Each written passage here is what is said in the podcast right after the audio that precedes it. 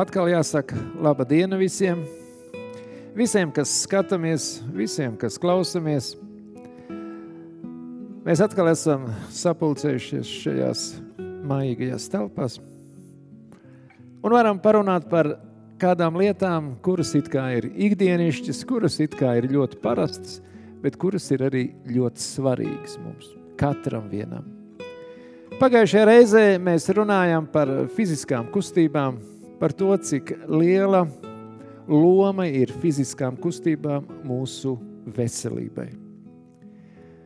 Un šajā pagājušajā reizē mēs pieskārāmies augsnei. Mēs pieskārāmies augstnes šīm sīkbūtnēm, šiem tārpiņiem, šiem kukainīšiem. Un ja mēs tā runājam, nu kādas, kāda tad ir šī saistības starp fiziskām kustībām un augsnes šo, šiem mik mikroorganismiem, sīkbūtnēm, tarpiņiem, kukainīšiem. Redziet, ja augsne ir dzīva un vesela,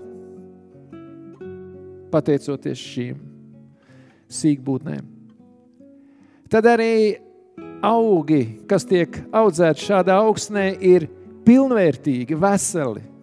Un viņi ir, viņos ir pietiekoši daudz mikro, makro elementi, vitamīni, organiskās skābes, dažādas citas fito uzturvielas un aizsargvielas.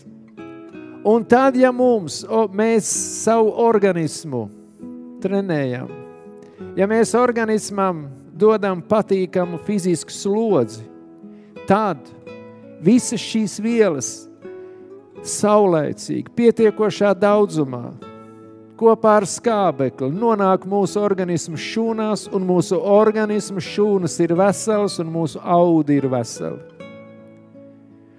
Un gala rezultātā arī mums ir vesels organisms. Mums ir arī domāju, arī vesela morāli. Un, ja mēs runāsim šodien par svaigu gaisu, tur būs kaut kas drusku līdzīgs. Šodienas prezentācija ir svaigs gaiss, tā ir mūsu dzīvības elpa. Sākot šo prezentāciju par svaigu gaisu, es gribu parādīt jums gaisa sastāvu. Tātad ļoti vienkāršu gaisa sastāvu.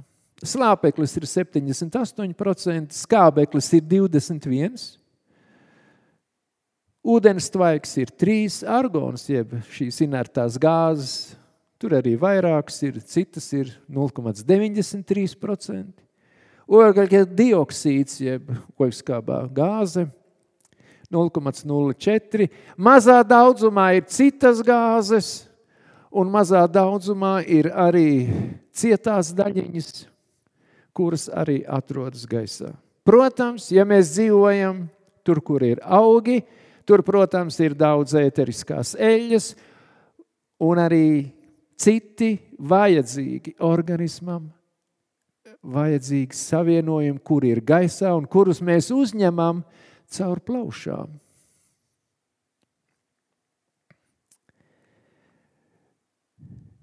Ja mēs runājam par skābekli,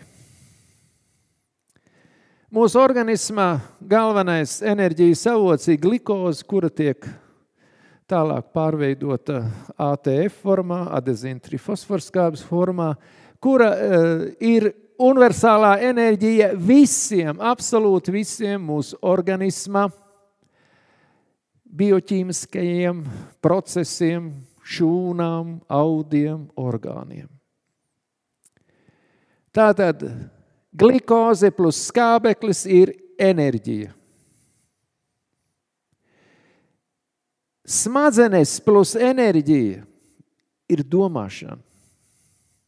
Un domāšana mūs padara arī par cilvēkiem, par cilvēcīgu būtni. Un te ir viena lieta, ko es gribētu visiem parādīt glikoze bez skābekļa, lai bez skābekļa no glikozes iegūtu enerģiju, tur ir 20 ķīmiskas reakcijas un nosacīti iegūst divas enerģētiskās vienības bez skābekļa vidē. Piemēram, te mums ir jāpiemina lielie kašaloti, tie ir vaļveidīgie dzīvnieki jūrā. Viņiem dažreiz viņi nirst 3, 4 un 5 km dziļumā, un ja viņi tur ienirst, tad viņiem ļoti ātri kāds ir jānoķer un jāpēd. Un tad, kad viņi ir ieniruši, viņu fermentatīvā sistēma ir tik strauja, ka viņi sadala šo apēsto ļoti ātri, bet enerģiju iegūst samērā maz. Viņiem ir šīs saucamais, viņiem ir divi veidi enerģijas iegūšanas mehānismi. Šis aerobais un šis anaerobais. Tātad ar skābekļa klātbūtni un bez skābekļa klātbūtnes. Bet, ja glikoze tātad tiek organismā sadalīta skābekļa vidē, tās ir astoņas ķīmiskās reakcijas, jeb saucamais krepsa cikls, tad tiek iegūtas 36 enerģētiskās vienības. Jūs saprotat, kāda ir starpība? 2 un 36. Tas ir 18 reizes efektīvāk, tiek izmantotas barības vielas, un 18 reizes ir lielāks enerģijas avots. Skābeklis dod enerģiju, organismu tonizē, un ir vēl viena ļoti unikāla lieta, bet nomierina mūsu centrālo nervu sistēmu. Tāpēc, kā jau es runāju iepriekš pie fiziskajām kustībām, pie fiziskās slodzes, mums ir vajadzīgs doties vidē, fiziski strādāt, atrasties vidē, kur ir daudz skābeklis. Un mūsu nervu sistēma nostabilizējas pateicoties laimes hormonu veidošanās. Pateicoties, ka veidojas šie laimes hormoni, mūsu nervu sistēma atpūšas un nostabilizējas. Skābeļa trūkums izsauc chronisku enerģijas deficītu. Tas savukārt veido tādu atonisku, tātad atslābušu stāvokli, arī sliktu dušu, depresīvas pazīmes, galvas sāpes. Un vēl ko mums ir jāatcerās. Trūkstot skābeklim, pieaug brīvo radikālu daudzums mūsu organismā. Līdz ar to organismā var sākt attīstīties dažādas deģeneratīvas, jeb deģeneratīvas izmaiņas, jeb hroniski iekaisuma procesi pie skābekļa trūkuma.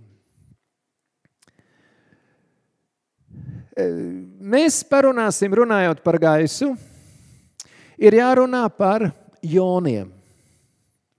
Joni ir elektriski lādētas daļiņas, kas rodas, ja kādi atomi vai vielas vai atomu grupas zaudē vai pievieno kādu elektronu, vienu vai vairākus.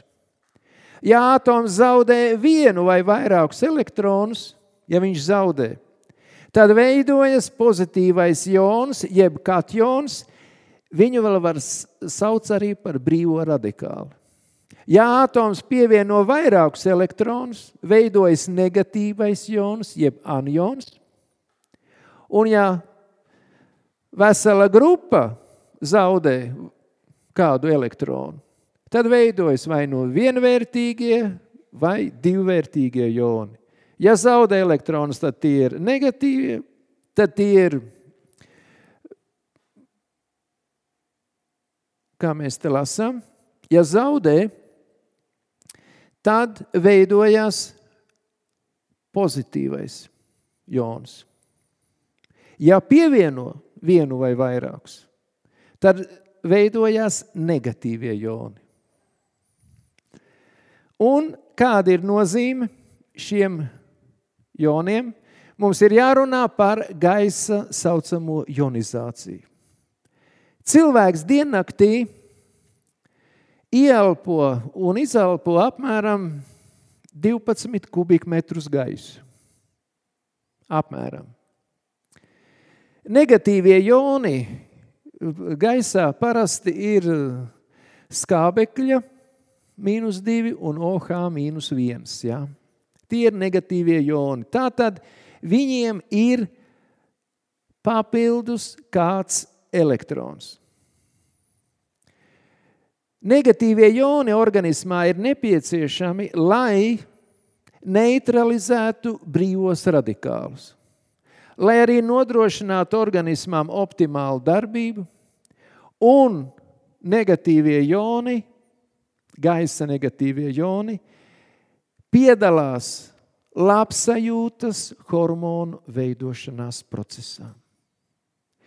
Ja mums ir pietiekoši daudz negatīvie joni, tad arī mūsu organismā, ja mēs ievērojam arī citus šos principus, atrodamies saules gaismā, atrod, pietiekoši normāli, pareizi uzturēdam, fiziski kustamies, tad šie labsajūtas hormoni mums organismā veidojās. Un mums nevajag nevienu citu uzmundrinošos, stimulējošos šos līdzekļus, kuri pamatā šodien saistās ar kofeīnu lietošanu. Vai tā ir kola, vai kādi citi šķīdumi, kā kafija, vai kādas dabīgās tējas, nevis augu, nevis uh, zāļu tējas. Tad mums tādas lietas nav vajadzīgas. Dabā šie negatīvie joni veidojas tur, kur ir ūdens. Sevišķi daudz ir pie ūdens kritumiem, jūrmalu, jūras malā, okeānu krastos, zibens laikā, un sevišķi daudz negatīvie joni veidojās priežu mežā, tur, kur ir priežu audzes.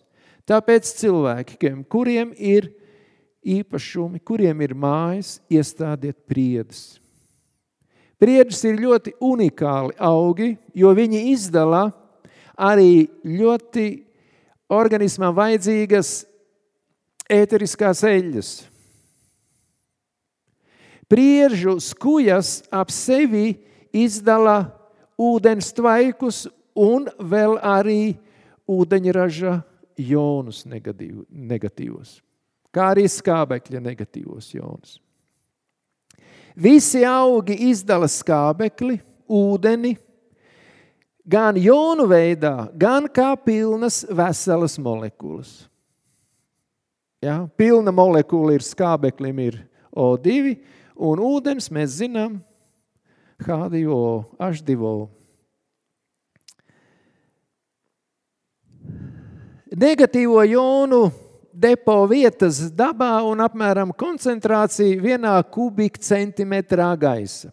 Un te paskatīsimies, kur viņi atrodas. Piemēram, jūras malā vai okeāna krastos, ūdenskrituma tūmā, vienā kubikcentimetrā gaisa ir apmēram 45 līdz 95 miljoni šādi joni.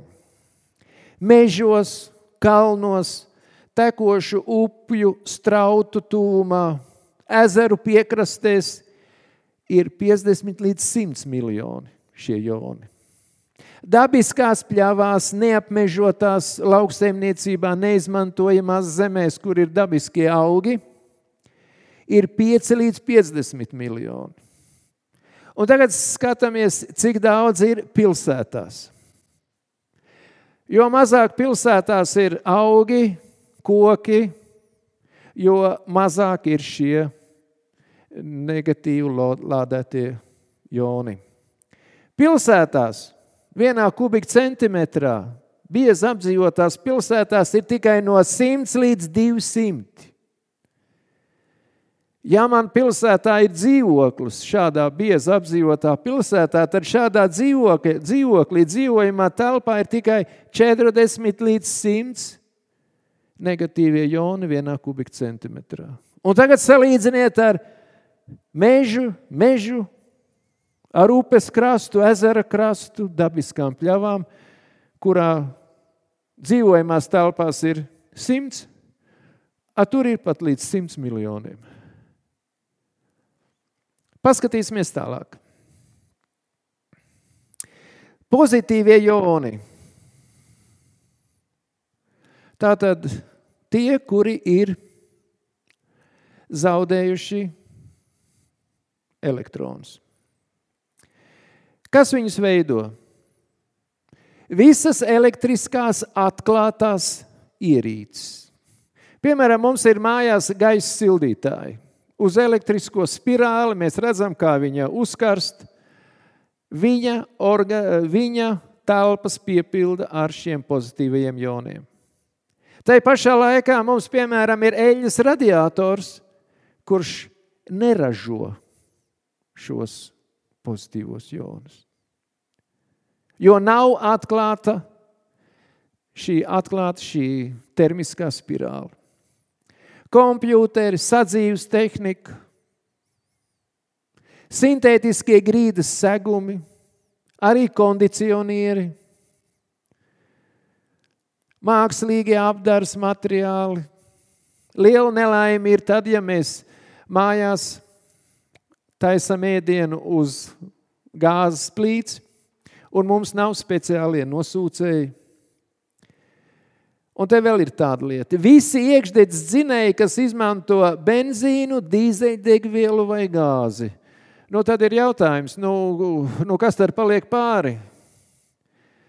Redziet, ir tāda lieta, ko sauc par ūdeņraža dzinējiem, kur degvielas vietā izmanto ūdeņradi. Kādreiz cilvēks to ir izmantojusi nepilnus simts gadus atpakaļ. Nu, sakarā ar to, ka viņi ir samērā varbūt bīstami, šodien viņus vairs neizmanto. Un viss ķīmiskais piesārņojums, ko dod rūpniecība, rūpnieciskās iekārtas, tur, kur ir piemēram, lielās katlumājas, tas viss piesārņo mūsu gaisu ar šiem pozitīvajiem joniem. Daži pētījumi. Ja mēs novietojam pelītes tur, kur ir ļoti liels daudzums pozitīvie joni, tad viena mēneša laikā nomira 60%. Ja, š, ja kontrola grupu ievieto negatīvo jonu vidē, dzīves ilgums pieaug par 42%, palielinās izturība pret infekcijas slimībām un pieaug šo pelīšu gan motorā, tātad fiziskā, gan arī seksuālā attīstība. Kaut vai pie pirmās grupas, kura dzīvoja pozitīvo jonu vidē, Tur šī motorā, ja fiziskā aktivitāte un arī šī pēcnācēja radīšana krasi samazinājās. Ja mēs runājam par onkologiem, onkoloģiju, tad ir tādi pētījumi pasaulē ir izvesti.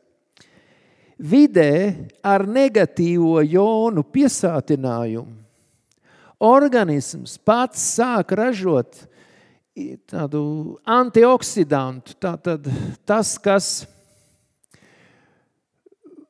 pasargā no oksidēšanās barības vielas un arī organisma iekšējā vidē pasargā dažādu savienojumu skābekļa piesaisti. Ražotā šo antioksidantu, viņu sauc par ubikvinolu, kurš organismā, organismā tieši organisma audos un arī šūnās, audu šķidrumos, neutralizē pozitīvo jaunu darbību un sekmīgi bloķē audzēju attīstību. Cik liela ir tomēr nozīme, kādā vidē es dzīvoju un kāds ir mans dzīvesveids? Cik liela tam ir nozīme? kā blakus tematu parunāsim par fotosintēzi. Uz mūsu planētas fotosintēze notiek zaļo augu chlorofilos, gaismas un tumsas laikā. Tātad organiskās vielas uz šīs planētas un skābekli ražo gandrīz tikai, gandrīz tikai zaļie augi. Ir daži, daži mikroorganismi, dažas baktērijas, kuru sastāvā ir chlorofils. Ir daži tādi. No ūdens un minerālvielām, no tām minerālvielām, ko augs uzsūc no augsnes, kā mēs jau iepriekš runājām, cik svarīgi ir nozīme šīm augsnes, augstnē esošajām dzīvajām būtnēm no šīm minerālvielām, ūdens un noizskābās gāzes, chlorofilos zaļie augi ražo skābekli un organiskās vielas. Dzīvnieki neražo organiskās vielas, viņi tikai izmanto to, ko dod augu valsts. Tas ir vienīgais organisko vielu un skābekļa avots uz šīs planētas. Tagad jau ir moderni, sintētiski daudz ko ražot, bet par to citreiz. Zaļie augi izmanto mazāk kā 2% no tās saules gaismas, kas sasniedz mūsu planētu. Ir zinātnieki ir aprēķinājuši, kad visas planētas enerģētisko vajadzību var apmierināt tā enerģija, kas vienas sekundes laikā izdalās no Saules. Un šis enerģijas daudzums, kas izdalās no Saules vienas sekundes laikā, pietiek mūsu planētai, lai viņa eksistētu 500 miljonus gadu. Cik milzīga ir šī enerģētiskā rezerve? Ja mēs tā nedaudz atejot pie cita temata, jā, tad šodien mums vislielākais enerģijas tas avots, nu, kā mēs redzam, tā ir, tā ir kodola reakcijas, jeb no atombumba. Ir tikai ļoti interesanti, ir viena lieta, kad atoms sprādziens, jeb kodola reakcijas ir tad, kad šie smagie radioaktīvie metāli sabrūk. Bet redziet, uz Saules notiek otrādi. Pie atombumbas ir sabrukšana, bet pie Saules notiek sintēze kuras laikā atbrīvojas tāds enerģijas daudzums, kā jau minēju. Milzīgs enerģijas daudzums. Un cilvēki neko vēl šajā jomā izdarīt nespēja. Ir robeža. Viena gada laikā zaļie augi uz šīs planētas saražo 150 miljārdus tonnas organiskās vielas un tikpat daudz skābekli. Un asimilē 200 miljardus tonnas CO2. Šodien ir populāri tā ogļūdeņraža emisija, jeb nu, mums temperatūra paceļās uz planētas, tāpēc, kad Lūk, šī rūpniecība ir vainīga. Ziniet, tas ir liels pasaks. Temperatūra tiešām paceļās, un CO2 pieaug tikai ne jau rūpniecības dēļ, bet viņi pieaug tāpēc, ka pasaules okeāni un jūras ūdeņi šajās vietās kļūst siltāki Un galvenais CO2 akumulā, akumulators uz šīs planētas ir ūdens. Tur ir citi mehānismi un citi iemesli. Iesim tālāk. Kas kavē efektīvu skābekļa izmantošanu? Kas traucē? Redziet, tad, kad manā organismā ir traucēta skābekļa izmantošana, tad uh, nenotiek pareiza enerģijas izmantošana. Un uh, mūsu organisms pie veselīga uztura, pie veselīga dzīvesveida var būt enerģijas deficītā. Jo kā mēs skatījāmies iepriekš, aerobās, tā, e, kad ir aerobā enerģijas iegūšana ar skābekļa palīdzību, tur ir 36 vienības. Un, kad ir anaerobā, tur ir tikai divas, kur nav skābeklis klāt. Un tāpēc mums jāsaprot, ka viss tas, kas traucē organismam, pārnest skābekli, uzņemt skābekli, izmantot, viss tas arī mums traucē iegūt enerģiju. Un, ja runājam par enerģijas izmantošanu, tad Ne jau muskuļi ir galvenie enerģijas izmantotāji. Lielāko daļu enerģijas izmanto mūsu galvas, muguras, smadzenes un nervu sistēma. Un to mums vajadzētu atcerēties. Pat pie niecīgiem enerģijas trūkumiem, pie niecīgiem skābeļa trūkumiem, pirmais cieš mūsu smadzenes, mūsu nervu sistēma. Lietas, kuras traucē efektīgi izmantot skābekli. Pirmām kārtām ir tie saucamie triglicerīdi, kurus mēs varam atrast laboratoriskajos izmeklējumos. Un tie ir dzīvnieku tauki, kur tiek sagremoti un uzsūcās mūsu asinsritē. Un te mēs redzam šajā slaidā, šajā attēlā pa kreisi, tad, kad, eri, tad, kad mēs ēdam normālu ēdienu, kurā nav daudz šie triglicerīdi, vai viņi vispār nav, vai ļoti minimāli. Tad eritrocīti viens no otra ir atšķirti, viņi nav salipuši, un uz viņu virsmas skābeklis piesaistās daudz vairāk nekā blakus esošajā. Attēlā, kur ir trekns ēdiens, kur eritrocīti ir salipuši kopā un viņu virsma, kas spēja pārnest skābekli no plaušām uz audiem, viņu virsma samazināties var līdz 70%.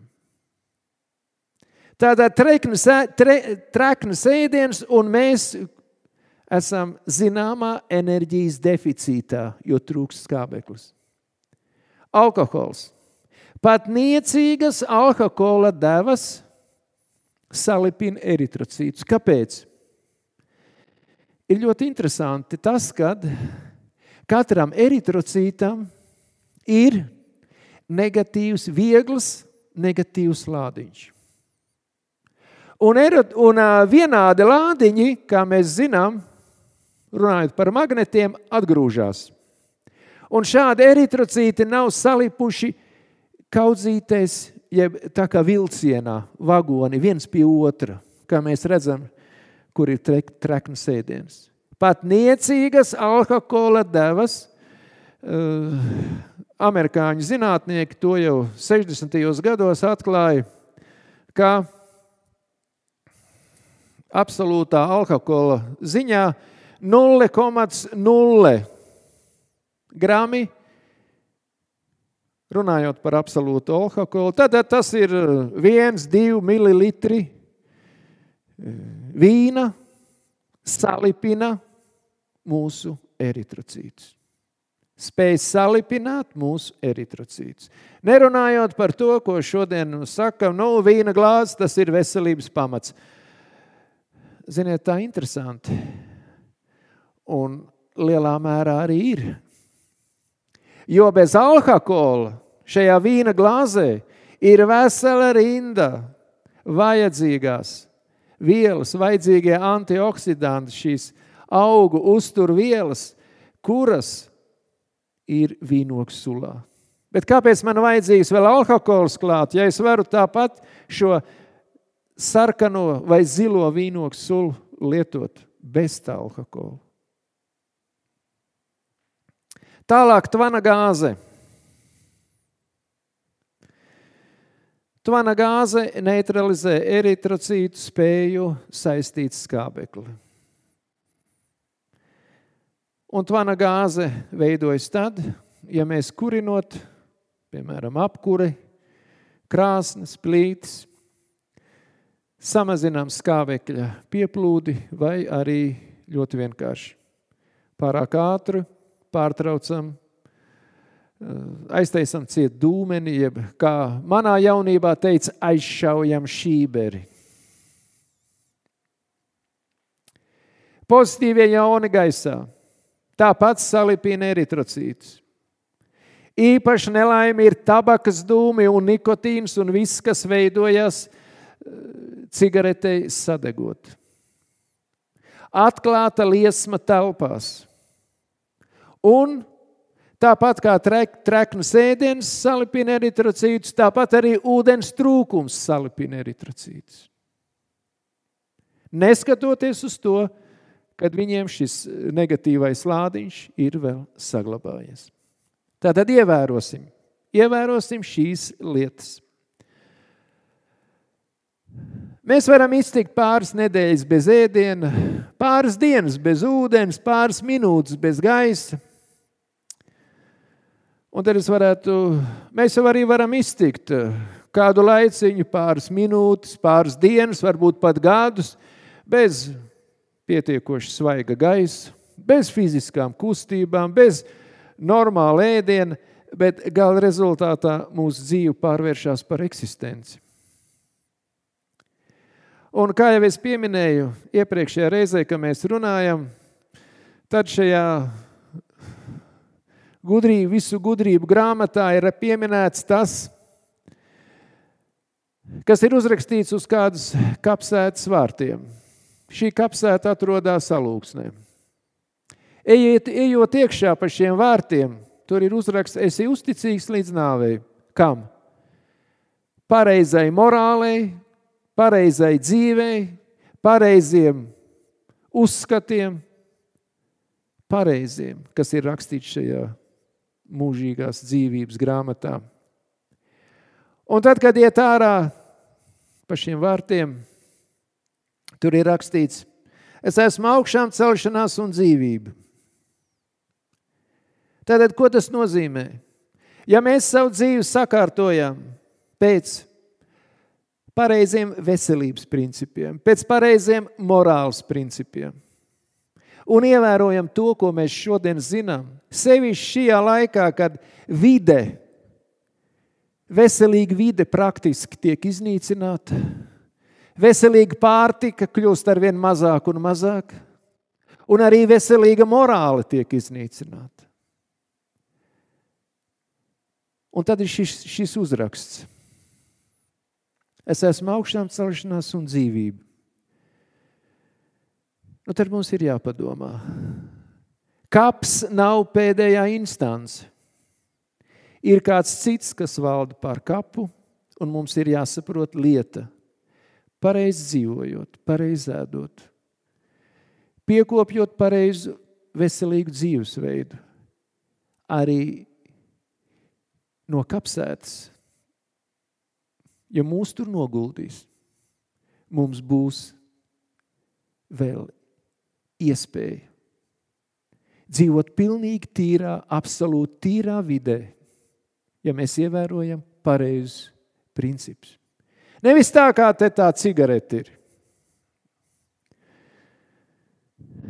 Tas ir jebkurš, tas ir simbols jebkuram nepareizam dzīvesveidam, jebkurai nepareizai iegribai, mēs degam kopā ar šo savu nepareizo iegribu, vai nepareizo dzīvesveidu, vai nepareizo morāli. Mēs degam kopā. Un tad ir tikai pelni. Un šajā mūžīgajā dzīvības grāmatā, gudrības grāmatā ir rakstīts, kad būs cilvēki, kuri staigās pa šo zemi, un viņi redzēs, ka visi tie, kas nav ņēmuši vērā šīs grāmatas vārdus, būs kā pelni zem viņu kājām. Tā tur ir rakstīts. Iesim tālāk. Simptoms skābekļa trūkumam.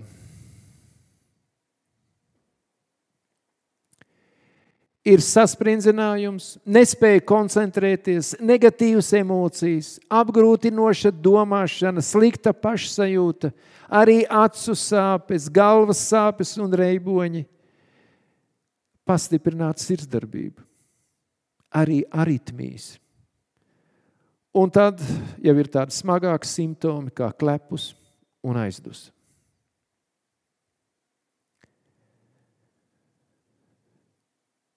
Domājot par šīm lietām, es vēlreiz pieminēšu, ka šie visi veselības principi, par ko mēs runājam, tas ir komplekss. Un mēs redzam, un klausoties, un arī skatoties, mēs, mēs varam saprast vienu lietu. Šādas negatīvas lietas var izsaukt arī nepareizs uzturs. Var izsaukt arī fizisks slodzes trūkums un vēl daudzas citas lietas, par ko mēs runāsim tālāk. Vēl viena lieta, kas šodien ir ļoti aktuāli, tas ir apspīlēts apģērbs. Sievietēm tas ir sevišķi bīstami, jo tas skar iegurņa orgānus. Tās ir varbūt dziļas ginekoloģiskas lietas. Bet mums ir jāsaprot, šāds apspīlēts orgāns sievietei un gaisa nepiekļūšana ir cēlonis ļoti daudzām saslimšanām. Vīriešiem tāpat mazākā veidā tikai.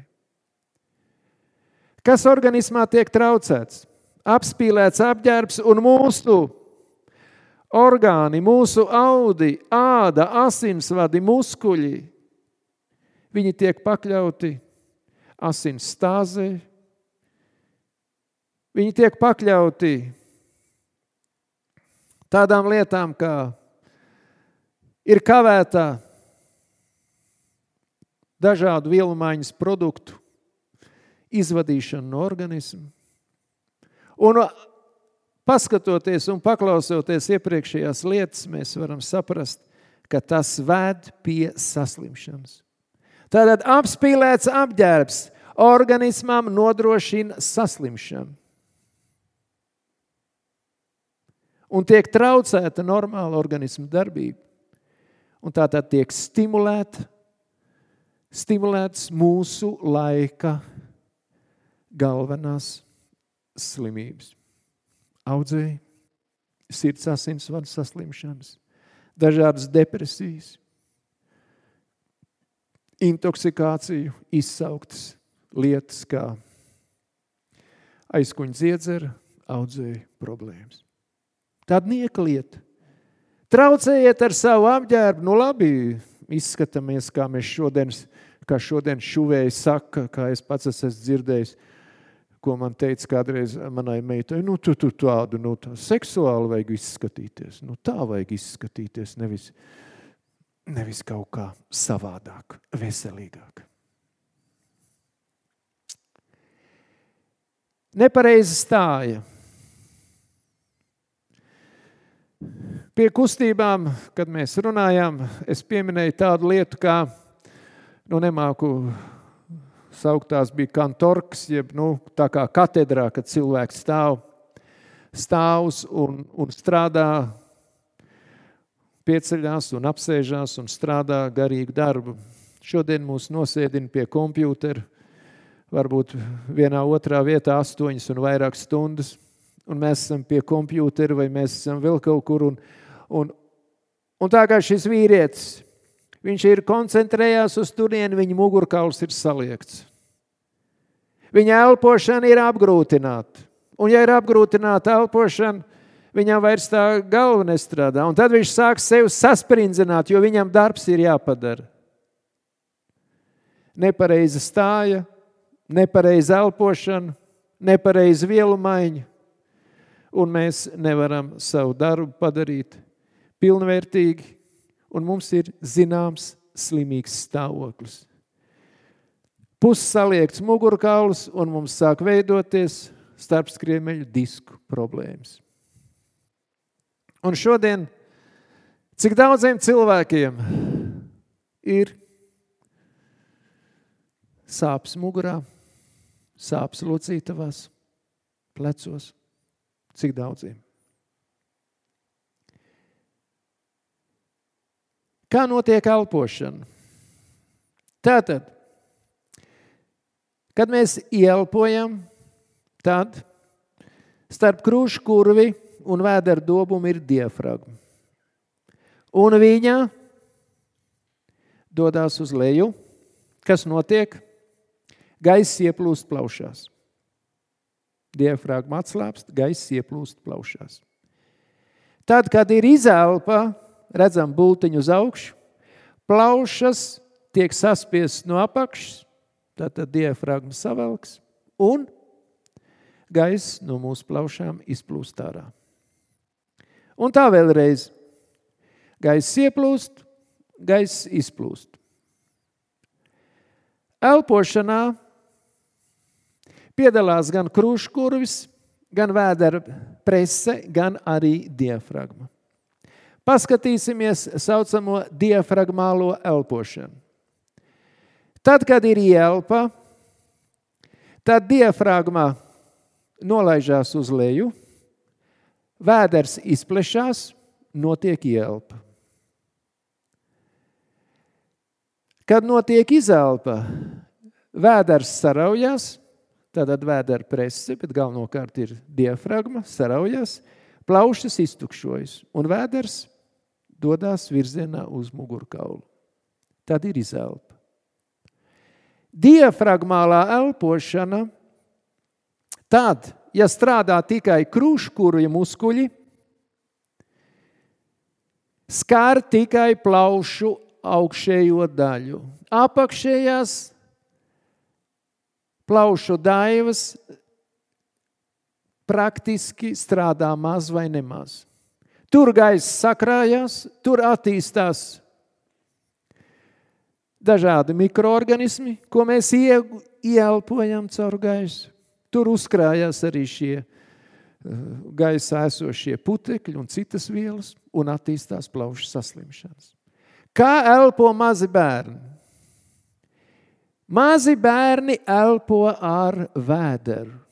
Ja mēs elpojam ar vēderu pamatā, un tikai pie palielinātas slodzes mēs sākam arī elpot ar kruškuru. Tad plaušas ventilējās no augšējām plaušu daivām līdz pat apakšējām. Un pieaugušam cilvēkam viss labākais ir saucamais jauktais elpošanas tips, kurā piedalās gan krūškuri muskuļi, gan arī diafragma. Jo lielāka slodze, jo krūšu kurvis strādā intensīvāk, un arī diafragma strādā intensīvāk, piedal, piedaloties arī vēdersienas muskuļiem. Tad, kad mēs sēžam, esam saliekušies uz priekšu, mums pamatā strādā tikai krūšu kurvis. Un mūsu apakšējās plaušu daivas netiek ventilētas un attīstās procesi, kuri nav tie labākie. Sevišķi, ja ir mūsu laikos ir šīs vīrusu saslimšanas, sevišķi, ja mums arī ir sēdošs dzīvesveids, mums ir jāsaprot, kāda ar prātu ir jāmēģina sēdēt ar taisnu muguru un elpot ar pamatā, iemācīties elpot ar diafragmu. Gaisa piesārņojuma sekas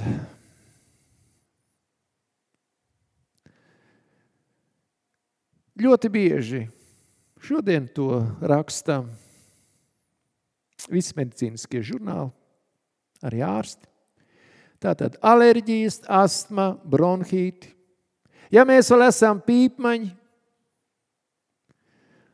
tad mums ir at, attīstās arī plaušu emfizēma, audzēji. Ja mūsu elpošanas vide, kur mēs dzīvojam, kur mēs elpojam, ir piesārņota, var attīstīties autoimūnās saslimšanas un mūsu imūnsistēma var būt nomākta. Pilsētās, ja nav lielie rūpniecības uzņēmumi, galvenie piesārņojuma veidi nāk no automašīnām. Ir interesanti, nesen, piemēram, par benzīnu. Ziemeļa valstīs, no Zviedrijā, pārdošanā ir benzīns bez piedevām. Būtībā tīri ogļu ūdeņraži. Man nesen tāds smaidošs cilvēks, viņš strādā pie motorzāģiem, viņš man iedod tādu mazu trauciņu, nu, tu gribi pasmaržot. Es pasmaržoju, es saku, nu, nevar saprast. Odekolons, ne odekolons, smaržūdens, ne smaržūdens. Nu, saku, kas tas tāds ir? Viņš saka, tas ir tīrais benzīns. Tikai ogļūdeņraži, tīri ogļūdeņraži, bez jebkādām piedevām. Izrādās, ka uh, Ziemeļvalstīs, sevišķi, piemēram, Zviedrijā, ja apļauj pilsētas teritorijā zālājus, vai arī tavu māju ir pilsētas teritorijā, un tu pļauj savu zālāju vai kaut ko citu dari, tu vari lietot tikai šādu benzīnu. Un tad ir jautājums, a, kas tad ir tajā benzīnā, ko mēs šodien ielējam bākā. Ļoti daudz piedevs. Ļoti daudz piedevs. Lai samazinātu benzīna cenu, bet vienlaicīgi man tā būtu varbūt nevisai droši pateikt, bet kaut kādas nu, runu līmenī. Tad, kad gāzi ražo, tad paliek dažāda veida tie saucamie e, vielas, kas ir šķidrā veidā, un viņas kaut kur ir jāiet, jānoliek. Ir. Un tā, tādas runas esmu dzirdējis, kad viņi pievieno šīs vielas klāt benzīnam. Tam Ziemeļvalstīs tam īpašajam benzīnam, viņam neviens nesaka, viņam aktivitāte nezūd arī pēc gada. Mums, piemēram, ja mēs parasto benzīnu lejam, tad man meistars saka, tā, tu, cik tev vajag, tik ielej, un pēc tam lej nākošo. Viņš saka, viņš paliek slikts. Nu, grūti pateikt, kas tur ir. Kaut kas jau labi nav. Dzīves otrā puse. Mūsu brīvība, mūsu tiesības uz veselīgu vidi ir apdraudētas. Nu, piemēram, pēc Šeit ir uh, smēķētāju, nu, kā saka, tā realitāte. Hronisku smēķētāju realitāte. Tas ir plaušas, kas ir pilnas ar darbu. Tur ir audzējs, kurš ir attīstījies balsenē un iznācis uz āru. Un tur arī plauša audzējs. Viena plauša puse praktiski nestrādā. Vai ir vērts dzīvot vidē, kur notiek kas, kur kūp? Kūp automašīnas, kūp cigaretes, kūp skursteņi. Un atcerēsimies vienu lietu. Tikai piecas cigaretes dienā Un mūsu plaušas, mūsu elpošanas sistēma izdala toksiskās vielas, ieskaitot nikotīnu, visas 24 stundas. Un es tagad, cilvēks, jā, es tagad gribu nodarboties ar fiziskām kustībām, es gribu iziet svaigā gaisā, es tagad uh, pilsētā skrienu pa ielu, ko es elpoju. Es eju uz darbu un nāku no darba. Un ko es elpoju? Cigaretes un automašīnu izplūdes gāzes. Vai tas ir to vērts? Man pašam smēķēt, vai tas ir to vērts arī elpot šādu gaisu?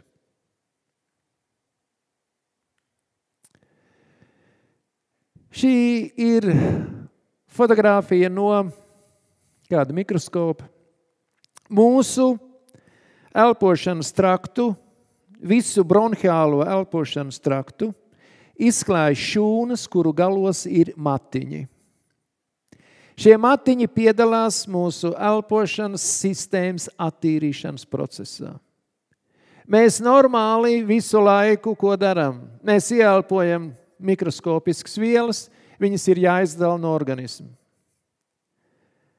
Un šie matiņi bīda visu to laukā no mūsu plaušām, no mūsu bronhiem, laukā līdz rīklei. Mēs viņu varam izspļaut vai arī norīt. Un tādējādi plaušas atbrīvojas no visa, kas ir liekas. Ejot tālāk, šīs šūnas sauc par stabiņu veidu šūnām. Viņas izklāja visus elpošanas ceļus. Un šo šūnu no ārpuses klāja skropstiņas, par kurām es teicu, ka šīs skropstiņas bīda ārā visus svešķermeņus, iekaisumu produktus, neutralizētos, ja pussagramotos mikrobus. Nu, būtībā mūsu leukucīti šos mikrobus iekapsulē, sagramo, paši iet bojā, un tās ir, tās ir struts tikai mazā daudzumā. Eksudātu, visu, kas tur ir. Krēpas, kā mēs tautas valodā runājam. Un šīs skropstiņas bīda ārā. Kas notiek, ja mēs sagraujam šīs stabiņu šūnas un sagraujam šīs skropstiņas? Visbiežāk tas notiek smēķējot, aktīvi vai pasīvi, un atrodoties strādājot tādā vidē, kur ir daudz rūpnieciskie izmeši. Kas notiek? Skropstiņas pamazām atrofējās, un atrofējās paša šūna, pati šūna, samazinās izmē, izmēros un pārveidojas tādā zviņveida šūnā. Ejot tālāk, mēs šeit varam redzēt, Tur, kur ir veselas šūnas, redziet, tur ir skropstiņas, viņas ir garas. Un tur, kur jau ir skartas šūnas, attēlā apakšējā labajā stūrī, tur šīs skropstiņas nav un šīs šūnas ir jau samazinājušās izmēros.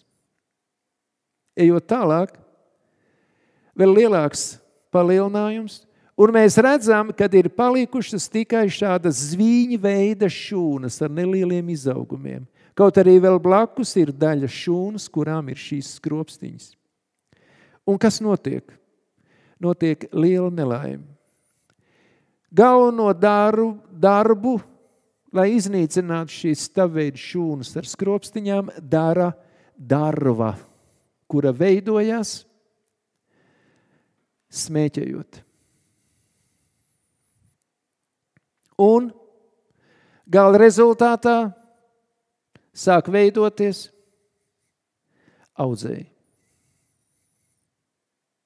Tas nekas, ka pirms simts gadiem, pat vairāk, Anglijas skolās ar varu spieda audzēkņus smēķēt, jo izrādās tabakas dūmu klātbūtnē tuberkulozes nūjiņas iet bojā.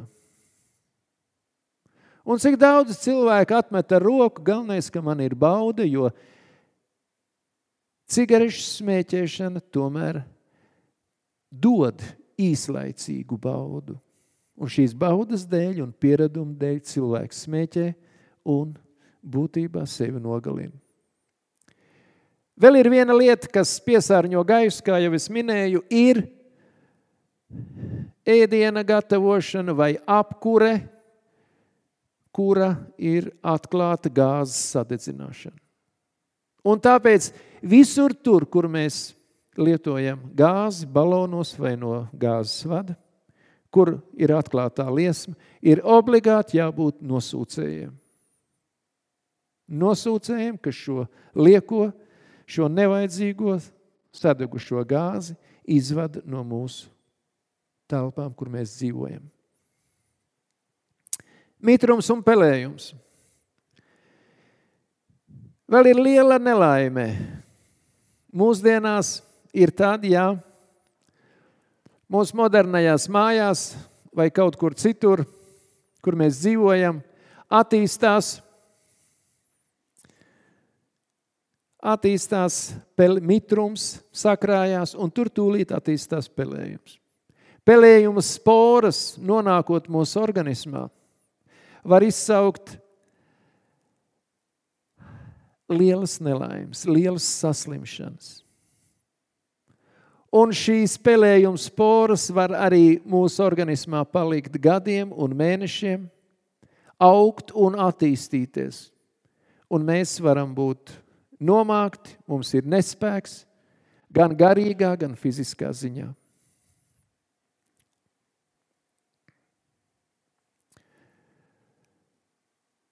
Kāpēc šodien parādās jautājums? Bērniem ir ļoti daudz dažādas bronhiālās un plaušu saslimšanas. Lielā mērā tā ir mūsu vide, un lielā mērā tas ir pateicoties tam, ka trūks svaigs gaiss, un tam, ka daudzi ģimenes tēvi un arī daudz ģimenes mātes šodien niekojās ar cigaretēm, un ir liela jēga nav. Vai jūs izējat smēķēt uz balkonu, vai jūs izējat smēķēt laukā? Liela jēga tam nav. Jo tāpat mēs nikotīnu un šīs tabaks sadegšanas gala produkts no sava organisma, kā jau mēs skatījāmies iepriekš, mēs izdalām 24 stundas. Ir vēl viena lieta. Sakarā ar svaigu gaisu un alkoholu un arī ar kofeīnu. Nikotīns, kofeīns un alkohols ļoti brīvi pārvar e, saucamās smadzeņu apvalku barjeras un pārvar arī placentāro barjeru. Ja māmiņa ir stāvoklī, tad šīs indes brīvi pārvar šo barjeru. Un būtībā, ja māte, tā ir liela traģēdija. Tā ir milzīga traģēdija, ja māte smēķē. Un arī traģēdija ir tad, ja, ja arī tēvs smēķē. Es, es jau eju laukā bet tu indē nākamo bērnu, savu bērnu. Un ejot pa ielu, katrs, kurš smēķē, indē sevi un katru vienu, kas nāk pretī, un katru vienu, kas iet garām. Diemžēl tā ir realitāte. Un tāpēc mums nav, tad parādās jautājums, pie kā tad tie bērni ir vainīgi? Tā ir mūsu morāla, tas ir mūsu dzīvesveids, kas attiecās uz šīm, bronhi, eh, šīm plaušu saslimšanām. Tas ir, tā ir mūsu vaina, mana un sabiedrības vaina. Kā aizsargāt sevi, savu ģimeni? Nu, tur kaut kur pie Kremļa cienas ir milzīgs, milzīgs lielgabals, jā, Tur tās lodes, tur kaut kur nepilnu tonu viņas tur svēra. Nu, kā mēs varam sevi aizsargāt? Visapkārt, visapkārt ir kaut kas toksisks, visapkārt ir kaut kas, ko mēs varam nopirkt sliktu, ko mēs varam apēst sliktu, ko mēs varam ieelpot sliktu. Kas tad mums ir palicis? Kāda ir mūsu izvēle? Vide, kura vēl kaut cik mūsu laikos ir veselīga, tīra, tā ir vide laukos. Pārceļaties uz laukiem. Sevišķi tas attiecās uz visām tām ģimenēm, kuras gaida bērniņus, vai kurām ir, vai kuras plāno bērniņus. Laukos, vide laukos, apmācības lauks skolās.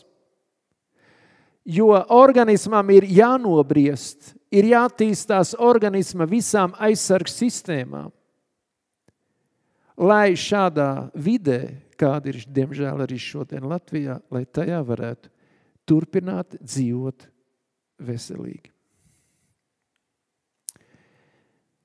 Lai pasargātu sevi, piemēram, no šo pozitīvo jonu daudzumu istabās, mēs varam audzēt istabas augus. Viņi arī saista e, šīs e, mikroskopiskos putekļus, svešķermeņus. Viņi arī izdala skābekli, viņi attīra gaisu. Ja mēs dzīvojam laukos vai vidē, kura ir samērā tīra, Arī pa ziemu, ja ir normāli ap, apkuri, mēs varam atstāt vaļā vēdlodziņu. Vasarā mēs varam gulēt arī pie atvērta loga. Tā ir liela svētība. Aizliedziet smēķēt telpās un neuzturieties pīpētāju tūmā. Tas ir vēl viens kardināls risinājums sevis un savu bērnu veselībai. Gaisa vannas jebkurā gada laikā. Mēs saprotam, lielai daļai tā ir tikai jūrmala. Ja mēs dzīvojam laukos, mēs šīs gaisa vannas vasarā, arī ziemā, mēs varam pieņemt katru dienu. Viņas ir vajadzīgas jo arī caur ādu organisms izdala gāzes, caur ādu arī uzņem arī skābekli. Apmēram 4. trešo daļu. Gaisa vannas ir vajadzīgas, nu ziemā. Kas mums traucē ziemā izskriet vieglā apģērbā? Minūtes desmit. Tad, ja mūsu galva un mūsu rokas un kājas ir siltumā izskriet, ātri pastaigāt, paliek augstu, ejam iekšā.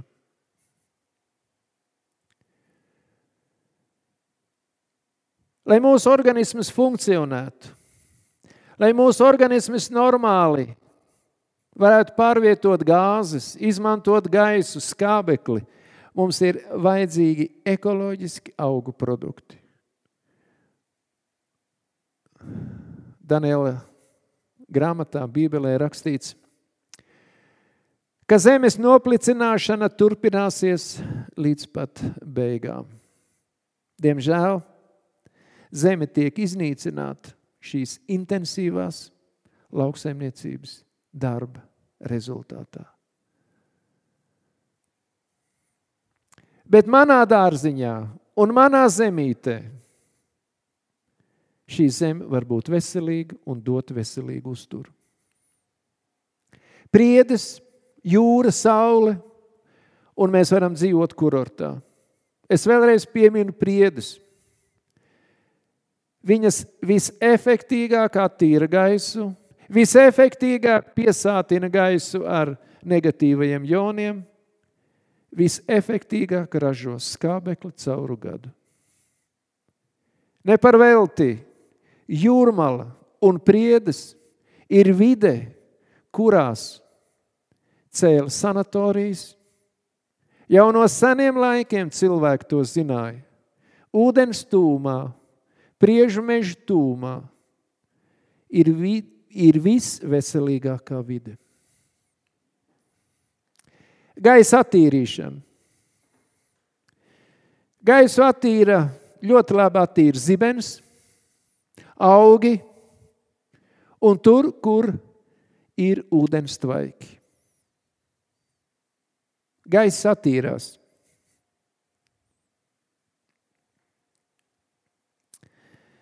Vislabākā vide, protams, ir jūrmala. Jo tur nepārtraukti skalojās viļņi, tur nepārtraukti notiek ūdens tvaiku izdalīšanās, un tur nepārtraukti gaisma, uh, ultravioletais starojums atsitās pret smiltīm, dodas atpakaļ, atkal atstarojās un atkal un atkal un atkal. Un ultravioletais starojums ir tas starojums, kurš lielā mērā veido šos negatīvos jonus, attīra vidi, attīra gaisu un veido veselīgu ekosistēmu.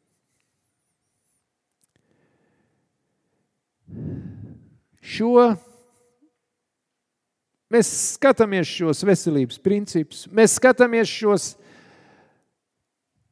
dabas brīnumus, kas mums ir visapkārt, kas ir nolikti priekš mums, lai mēs šeit dzīvotu arī veselīgi. Šīs zināšanas Un mums ir jāsaprot, ka kāds visu to ir radījis, ir radījis ar savu spēku, ar savu gudrību, ko mums ir grūti pateikt. Un tas viss arī šodien tiek uzturēts, tikai ir vajadzīga man izvēle. Kādā vidē es izvēlēšos dzīvot pats, kādā vidē būs mani bērni, kādā vidē būs manas vecumdienas, un tāds būs arī būtībā mans liktenis. Šī pasaule ir dibināta, un to ir dibinājis tas, ko sauc par radītāju.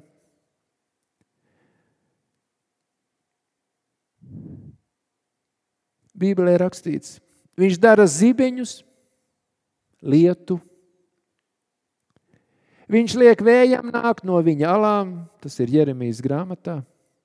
Un tas viss atkal ir vajadzīgs, lai cilvēks varētu dzīvot, lai dzīvnieki, kukaiņi, mikrobi, tārpiņi, lai varētu dzīvot, lai varētu dzīvot un eksistēt. Un tas viss ir cilvēkam, lai viņš būtu, es gribētu teikt, arī laimīgs, arī viņš būtu arī apmierināts un vesels.